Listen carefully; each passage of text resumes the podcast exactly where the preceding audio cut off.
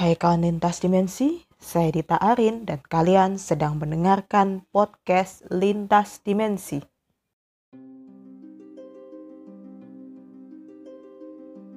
Selamat datang di podcast Lintas Dimensi. Kita sudah masuk episode ke-34 nih kawan Lintas Dimensi.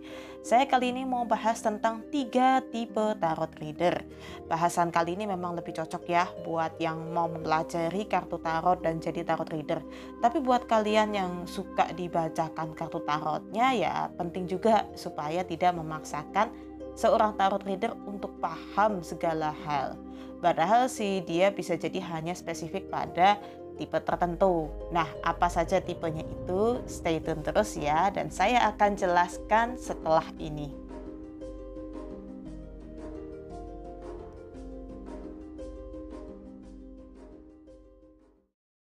Ada tiga tipe tarot reader ya. Yang pertama tipe logika, di mana mereka lebih ke arah logika dalam pembukaan kartu tarot dan mereka berpacu kepada keilmuan yang pasti. Maksud keilmuan yang pasti ini contohnya ya seperti ilmu dari psikologi atau memang anak-anak psikologi sendiri yang memakai kartu tarot sebagai alat bantu ketika konseling itu ada. Lalu keilmuan yang lainnya yaitu mengartikan simbol dan membaca ekspresi dari seseorang.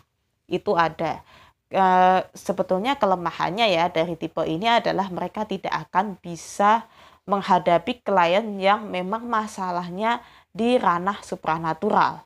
Tetapi kalau untuk ranahnya masih masuk ke psikologi atau ranahnya memang masih yang logika yang biasa-biasa saja masih bisa mereka hadapi. Itu ya kualitas dimensi. Nah, untuk yang berikutnya saya akan coba jelaskan tentang tipe yang kedua, tipe supranatural.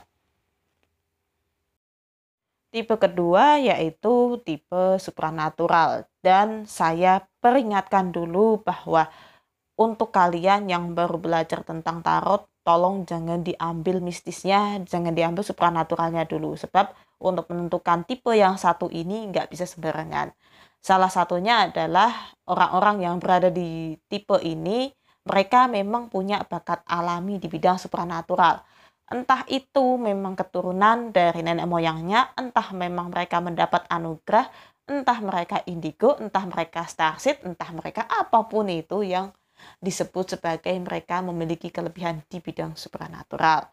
Saya peringatkan dulu. Jadi kalau kalian memang mau belajar tarot untuk first time, pertama kali, saya sangat sarankan pakailah tipe logika dulu sebelum masuk ke ranah yang ini, ya kan? Kecuali kalian memang ternyata sudah sadar ada bakat di bidang supernatural, silahkan. Nah, untuk yang tipe supernatural ini memang kelebihannya sangat mudah sekali untuk analisa masalah-masalah yang berhubungan dengan supernatural. Dia akan cepat dan tentu klien ini saya nggak tahu ya kok orang itu lebih nyaman dengan tipe supranatural? Karena ya mungkin surprise gitu ya bagi beberapa orang ya wah bisa nebaknya asik nih gitu. Atau wah dia bisa bercerita oh saya diikuti oleh kodam nenek moyang nih atau apa pun itu ya. Kalau kalian bertanya tentang kodam apa silahkan cek di ini episode lintas dimensi yang keberapa? Duh, saya lupa. Aduh, punya podcast sendiri lupa. Oke.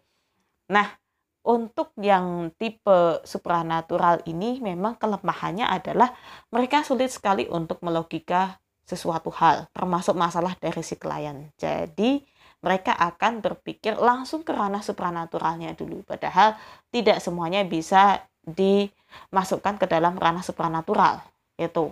Karena ada beberapa masalah yang nampaknya di depan seperti masalah supranatural tetapi sebetulnya itu fake palsu banget dan aslinya itu masih bisa dilogika itu ada. Saya beberapa kali menemui masalah itu juga. Ya kalau sama kliennya ngotot dong pasti mereka akan ngotot oh itu masalah supranatural loh mbak. Saya nanya sampai ke ini loh ke dukun loh ke paranormal loh. Ini namanya klien ya wajar banget mereka melakukan hal itu atau mereka ngotot seperti itu wajar tetapi harus kita yang pandai memainkan situasi di situ. Nah, uh, kelemahan yang seperti ini juga diikuti lagi dengan seorang tarot reader yang tipe supranatural tidak akan bisa bertahan lama. Jadi maksimalnya kayaknya sih cuma satu jam ya. Saya kok belum pernah mendengar yang tipe supranatural sampai tiga jam. Wah itu luar biasa juga sih. Maksudnya satu jam aja udah kayak orang lari maraton ngos-ngosan ya. Apalagi mau tiga jam itu kayak apa gitu kan. Memang dia main energinya itu sangat besar. Dan ya saya berani bilang biasanya yang tipe supranatural ini kartu tuh kayak cuman hiasan aja. Sebetulnya dia ini pakainya sistem terawangan. Dan memang jadi kontroversi juga tipe ini karena dianggapnya mereka bukan seorang tarot reader tetapi mereka adalah seorang cenayang atau mereka seorang paranormal. Jatuhnya ke situ. Tetapi kalau saya enggak saya tetap menghargai mereka karena toh mereka kan juga tidak hanya asal membuka kartu. Tetap mereka ada dong belajar tarotnya itu seperti apa. Tapi kalau mereka basing ya kata orang Bengkulu atau asal aja buka kartu gitu, waduh, wah ini nggak bisa. Saya jelas menentang tarot reader yang semacam itu. Karena bukan apa-apa ya kalau tes dimensi. Jatuhnya bisa nipu kalau kita nggak mampu uh, nembus ke orang itu ya. Karena tidak semua orang bisa diterawang. Jadi ada beberapa orang yang tidak bisa di Terawang pun bangsa juga nggak bisa di Terawang ya kan? Jadinya ya saya bukan apa-apa. Mohon maaf banget bisa jadi takutnya nipu kalau dia tidak mau belajar basic dari tarot. Tetapi kalau mereka yang sudah mau belajar basic tarot, ya saya tetap menghargai mereka, begitu ya. Meskipun mereka mengambil jalur di supranatural. Oke, yang berikutnya saya akan jelaskan tipe ketiga yaitu tipe logika dan tipe supranatural. Gabungan dari keduanya. Seperti apa? Stay tune terus ya.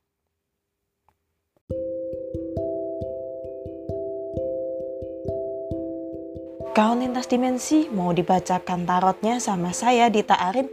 Boleh banget, cukup dengan 100 ribu kauntas dimensi sudah bisa puas nih dibacain tarot sama saya. Nah kapan lagi? Buruan yuk segera DM ke Instagram podcast underscore lintas dimensi dan langsung deal. Jangan lupa ya syarat dan ketentuan berlaku.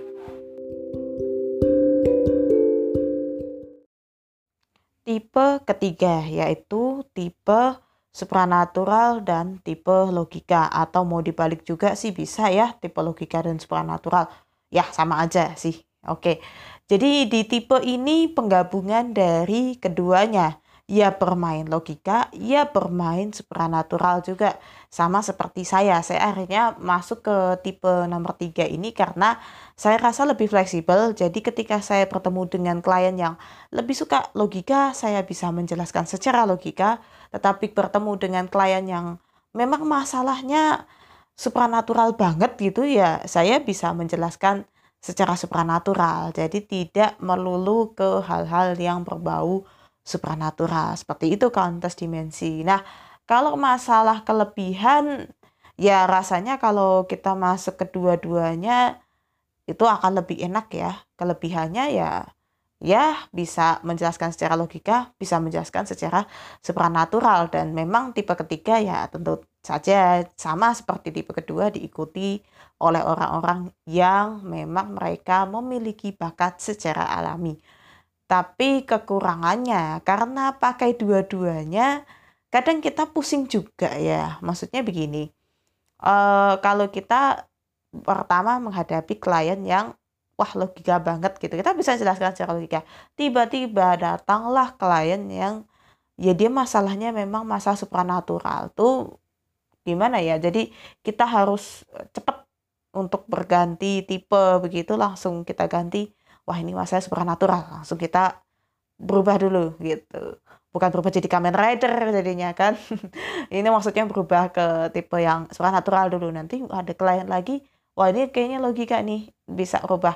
Dan memang tipe yang seperti ini dipakai di event-event tahan ya. Maksudnya mau dia 8 jam pun jadi Aduh, malah mau 8 jam jadi. Iya, maksudnya dia mau e, lama itu nggak masalah gitu karena dia bisa menyesuaikan dan tidak harus bermain terawangan. Ya lagi pula kalau di tempat keramaian main terawangan yang kena nanti orang banyak ya, malah susah. Meskipun yang ada di depan kita cuma satu. Oke. Ya, itu tadi ketiga tipe yang ada di dunia tarot reader. Tipe mana kalian itu bisa kalian tentukan sendiri. Tidak harus berdebat ya dengan tarot reader yang lain bahwa wah tipe supernatural tuh bukan tarot reader nggak perlu. Cukup untuk kalian sendiri, cukup untuk diri kita sendiri saja. Dan saya rasa penjelasan saya sudah cukup jelas. Jadi cukup sekian dan terima kasih. Salam semesta.